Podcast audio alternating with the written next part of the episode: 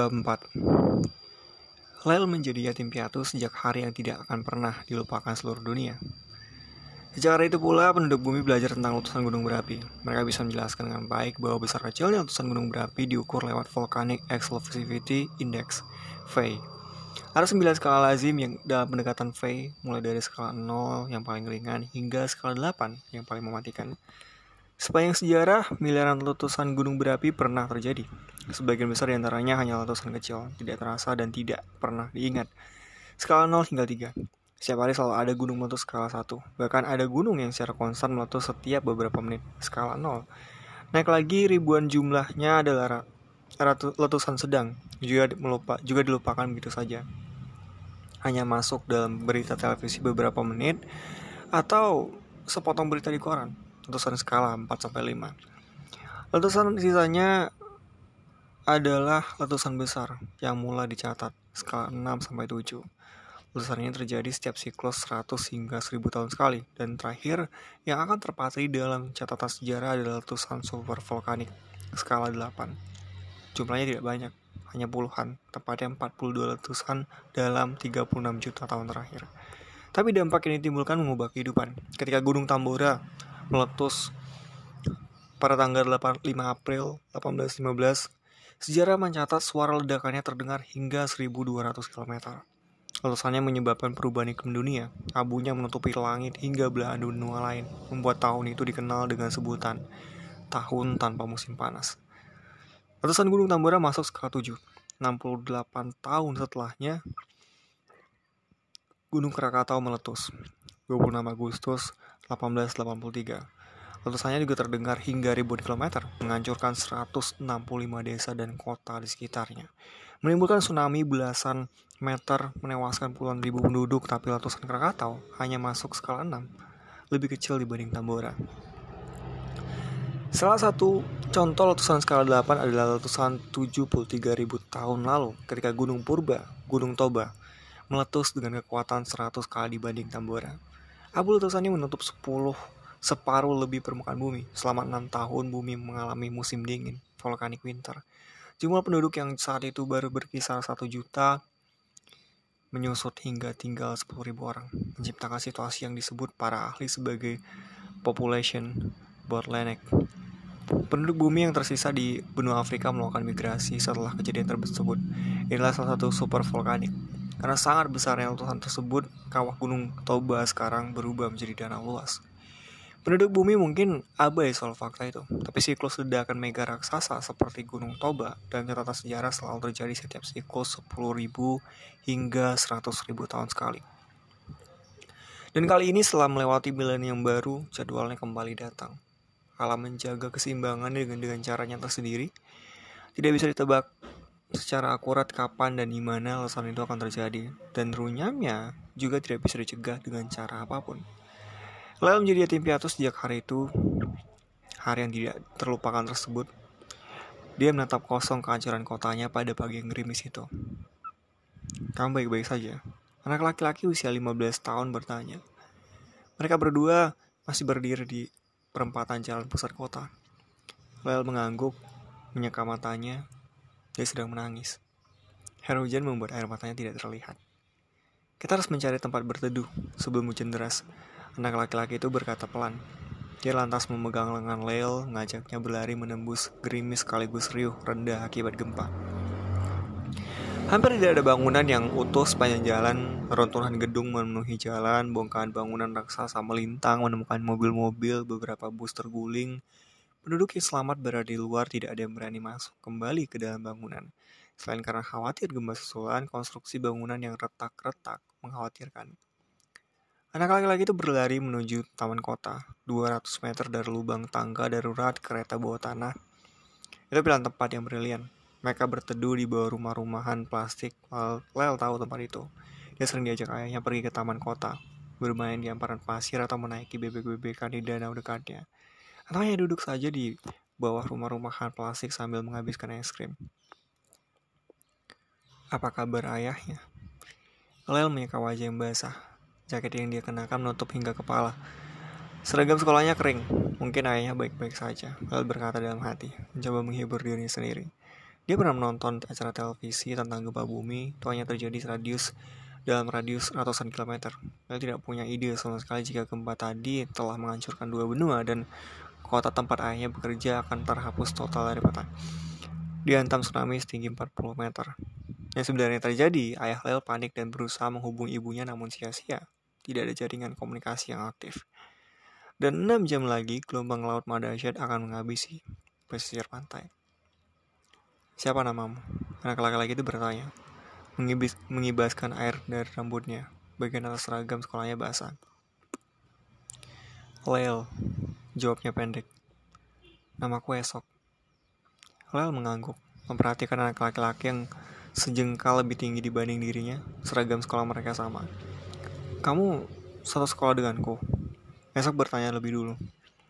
Lel mengangguk lagi. Ada banyak murid di sekolahnya dari kelas 1 hingga kelas 12. Dia tidak ingat satu persatu termasuk anak laki-laki berteduh bersamanya sekarang. Aku kelas 10. Hari pertama kita sekolah, tapi sepertinya tidak akan ada sekolah hari ini. Juga besok-besoknya. Anak laki-laki itu mengembuskan napas. Apakah mereka mungkin masih selamat? Bel bertanya dengan suara kalut, seperti takut mendengar jawabannya. Selamat. Siapa? Ibuku yang terjatuh di lubang tangga. Apakah mungkin masih selamat? Hening beberapa detik, menyisakan suara hujan yang jatuh di luar rumah-rumahan plastik. Mereka berdua persis berdiri di depan jendela rumah-rumahan berwarna oranye yang terbuka lebar. Di kejauhan, suara sirine sound menyaut. Sepertinya tim evakuasi yang tersisa mulai bekerja, juga pasukan pemadam kebakaran, polisi, dan petugas-petugas kota. Esok menggeleng. Tidak akan ada yang selamat. Juga empat kakakku. Mereka tertimbun dari runtuhan lorong kereta. Olel menyeka matanya, sedih memikirkan ibunya yang ditelan reruntuhan tanah. Empat kakak laki-lakiku. Esok mengusap wajahnya juga terlihat sedih. Mereka selalu saja terlambat pergi ke sekolah. Sibuk bertengkar, saling menjahili, menyembunyikan sepatu, dan aku jadinya ikut terlambat ke sekolah. Seharusnya kami sudah berangkat 30 menit sebelum kapsul kereta yang tadi. Tapi entahlah. Kalaupun tepat waktu mungkin sama saja. Gedung sekolah roboh. Sedih aku bersama mereka saat-saat terakhir. Lalu menatap wajah esok. Mereka senasib. Kehilangan orang yang disayangi di lorong kereta tadi. Apa yang harus kita lakukan sekarang? Menunggu hujan reda. Esok menjawab Lan. Setelah itu, kita bisa pulang. Memeriksa rumah mungkin. Kamu punya keluarga di rumah? Lel menggeleng, ayahnya di luar negeri. Dia tidak tahu harus ke mana sekarang. Kalau begitu, sementara waktu kamu bisa ikut denganku. Ibuku ada di rumah. Ya, semoga dia baik-baik saja. Esok mengusap rambutnya sekali lagi, suaranya tidak seyakin itu. Lel terdiam menatap hamparan pasir yang basah di depan mereka. Pagi itu, pada hari yang selalu diingat penduduk bumi, saat Lel kehilangan seluruh keluarganya, dia justru menemukan seseorang yang akan penting dalam hidupnya 8 tahun kemudian. Lel bertemu esok, anak laki-laki yang sejak dini sudah istimewa. Dan kisah ini terlepas dari kecamuk akibat gunung meletus skala 8V, sejatinya adalah tentang mereka. Dalam kehidupan Lel, hal-hal penting selalu terjadi saat hujan. Juga seperti saat itu. Saat Lel berdiri menatap keluar jendela plastik rumah-rumahan berwarna oranye, menatap hujan yang makin deras, seolah menyampaikan duka cita bagi penduduk kota.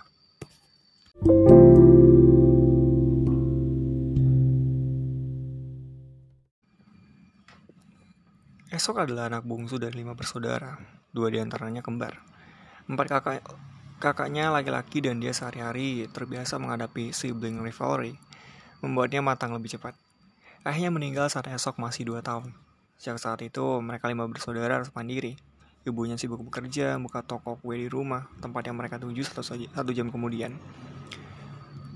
Hujan reda menyisakan basah. Tidak ada bus kota, apalagi kereta bawah tanah transportasi lumpuh total. Mereka berjalan kaki menuju rumah yang searah. Rumah Lel lebih dulu, kemudian toko kue keluarga esok. Hampir 8 km menuju rumah Lel. Kedua anak itu berjalan melewati seluruh kesedihan kota. Sesekali mereka berhenti menatap gedung yang pernah mereka kunjungi, yang sekarang hancur.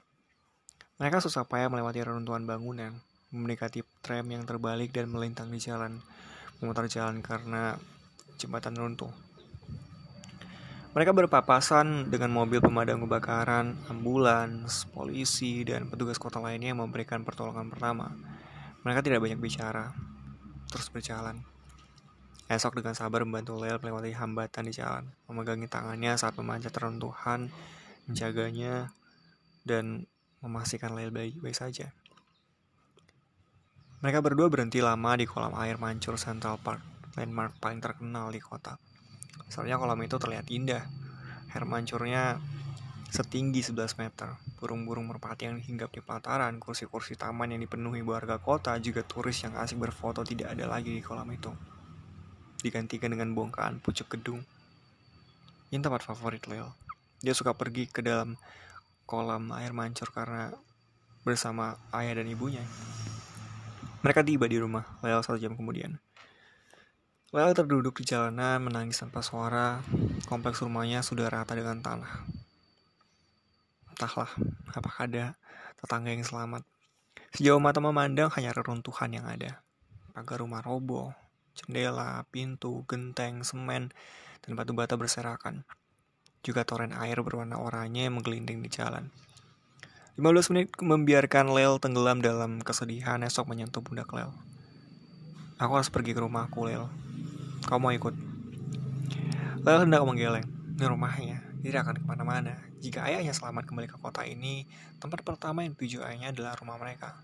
Tapi tidak ada yang bisa dia lakukan sekarang di sini. Bagaimana jika malam tiba?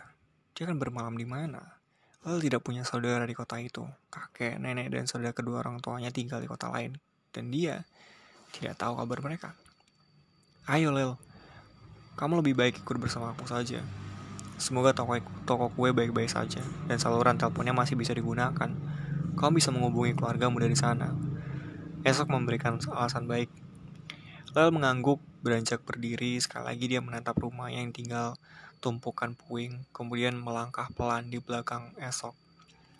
Toko kue itu pun berjarak 2 km dari rumah Lel. Mereka kembali berjalan dalam diam, sibuk dengan pikiran masing-masing. Lel memikirkan ibunya di lorong kereta bawah tanah, bagaimana mengambil tubuh ibunya dari sana.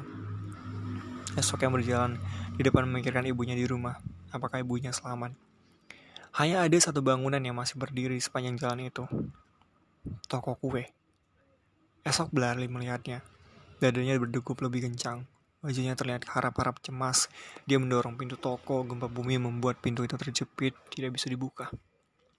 Esok tidak sabaran memukul jendela kaca yang sudah pecah separuh dengan rasalnya lantas masuk lewat jendela.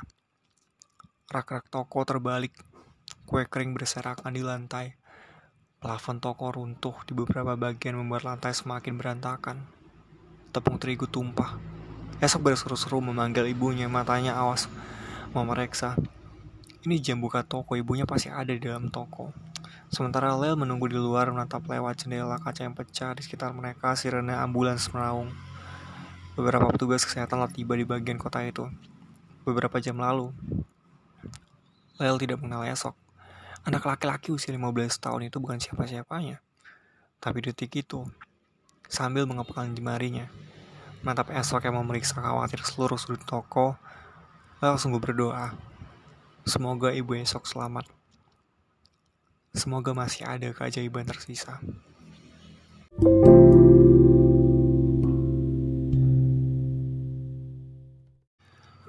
Bab 5 Ruangan putih 4x4 meter persegi dengan lantai bualam tampak lenggang. Gadis berusia 21 tahun yang duduk di atas sofa hijau menyeka ujung matanya.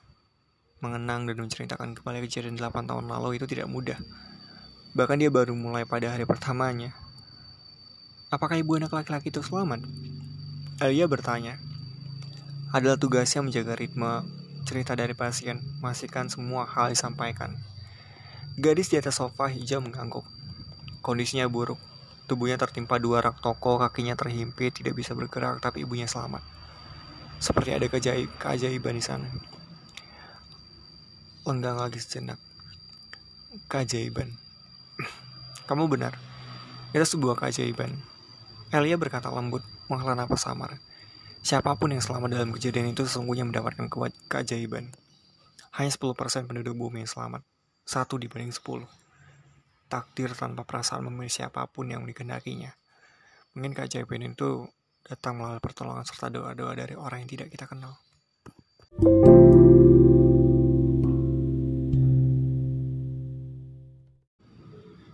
Esok berseru melihat tubuh ibunya.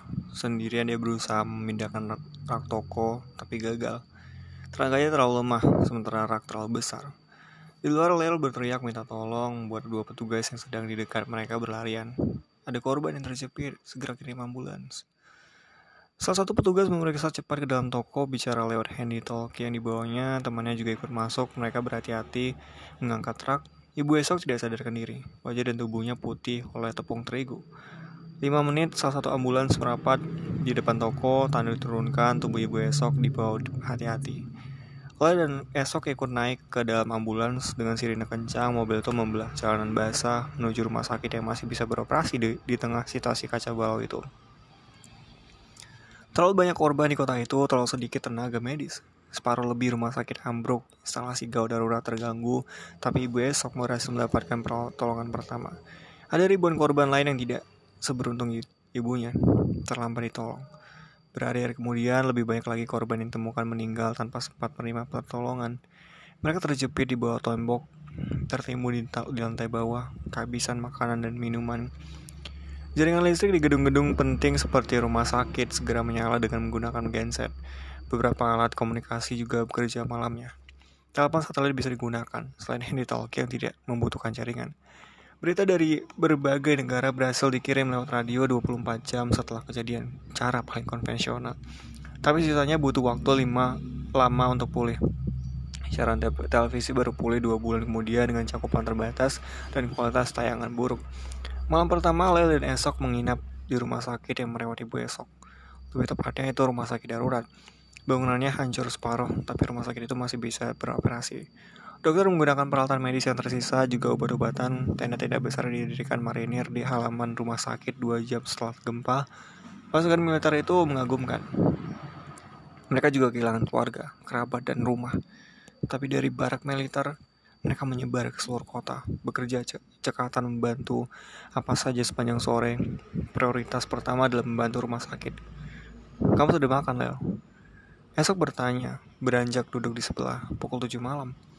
Lel mengangguk memperlihatkan potongan roti di tangannya. Tadi ada yang membagikan roti. Ibumu sudah siuman? Lel bertanya pelan. Esok menggeleng, menoleh ke, ke tenda belakang tempat ibunya dirawat. Kau mau? Lel memotong rotinya menyerahkannya kepada Esok. Terima kasih. Esok menerima potongan roti itu. Mereka diam, mengunyah roti masing-masing. Mereka berdua duduk di dekat salah satu tenda. Halaman rumah sakit itu sesak oleh pasien. Tenda-tenda darurat tidak mampu menampung beberapa pasien tidur di terpal-terpal terbuka. Suara bising terdengar memenuhi kompleks darurat. Berseru-seru. Setiap kali ambulans memasuki halaman, itu berarti pasien kembali bertambah. Malam itu mereka tidur meringkuk di sudut salah satu tenda. Hanya beralaskan kardus, gunakan tangan sebagai bantal, seharian lelah, fisik mereka butuh istirahat. Mereka jatuh, tertidur dengan cepat, di tengah kesibukan, dan hingar-bingar.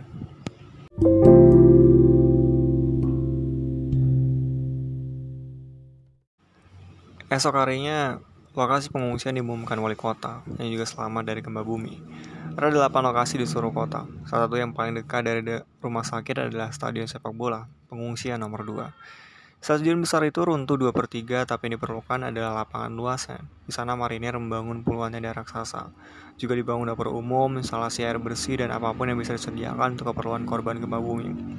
Wali kota menghimbau siapa pun yang tidak memiliki tempat tinggal bisa menuju lokasi pengungsian.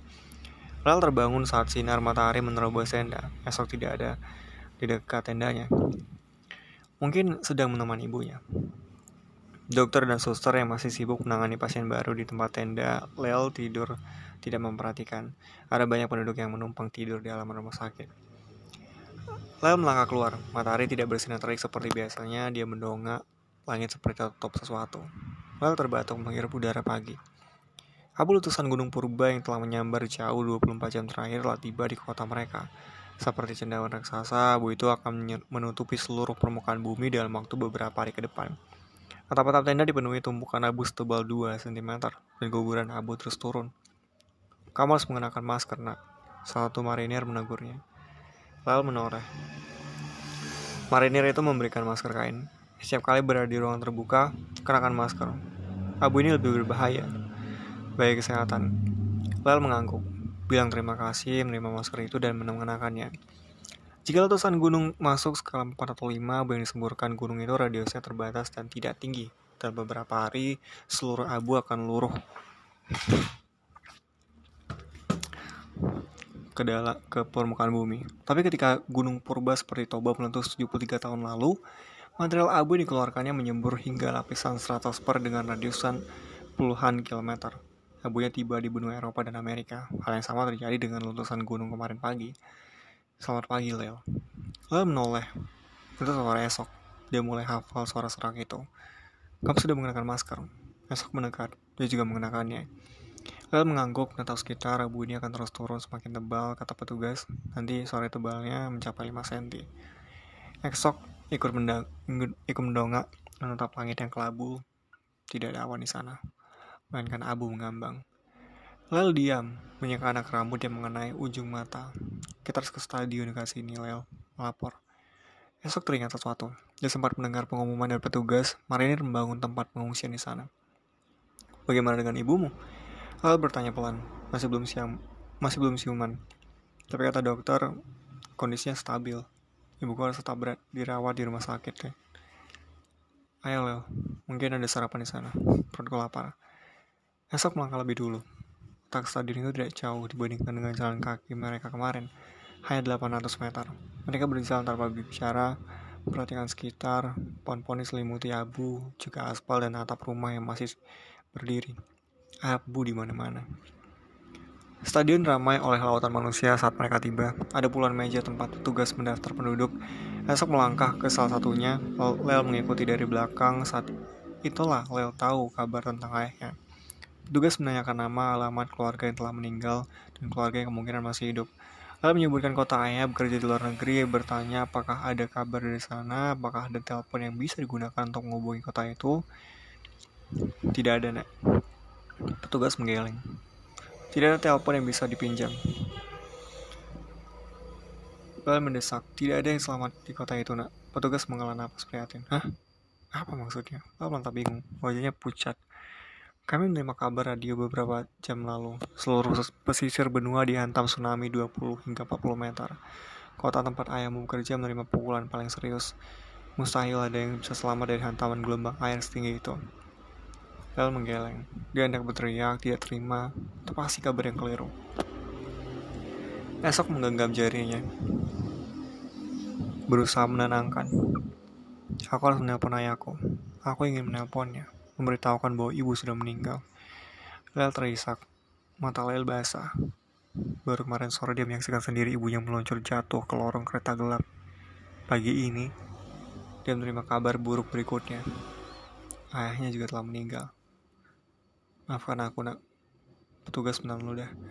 Kalian bisa menemui petugas dalam stadion. Mereka memberitahukan lokasi tenda kalian. Nama kalian berdua sudah terdaftar, ada pakaian ganti, selimut, pasar, dan kebutuhan lain. Juga makanan dari dapur umum. Sekarang waktunya sarapan.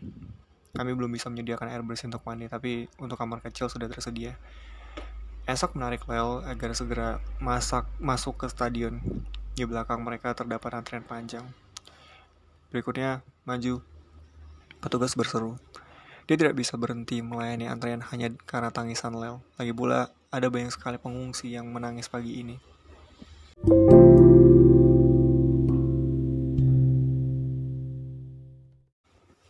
Lel hanya diam. Hanya diam sepanjang hari. Melamun. Berita tentang ayahnya telah memukul sisa semangat hidupnya. Dia masih berharap ayahnya akan pulang minggu depan sesuai jadwal, mereka berkumpul kembali, dia bisa ikut ayahnya pindah, Itulah satu, satu-satunya skenario yang ada di kepala Leo sejak gempa kemarin pagi. Bukankah kota tempat ayahnya bekerja jauh sekali? Bagaimana mungkin bencana gunung meletus juga tiba di sana? Kamu tidak menghabiskan sarapanmu, Lel? Esok bertanya. Lel menunduk. Sejak tadi, dia hanya mengaduk makanannya. Hanya satu dua sendok masuk ke mulutnya. Dia kehilangan selera makan. Ibunya meninggal di lorong kereta bawah tanah, dan sekarang apa yang akan dia lakukan tanpa ayahnya? Mata Lel berkaca-kaca. Budir air menggendang di sudutnya, membesar, lantas jatuh mengalir di pipi. Lel selalu suka hujan, dalam hidupnya, seluruh kejadian sedih, seluruh kejadian bahagia, dan seluruh kejadian penting terjadi saat hujan. Pagi ini, dia tahu ayah telah pergi selama-lamanya. Ketika hujan abu turun membungkus kota.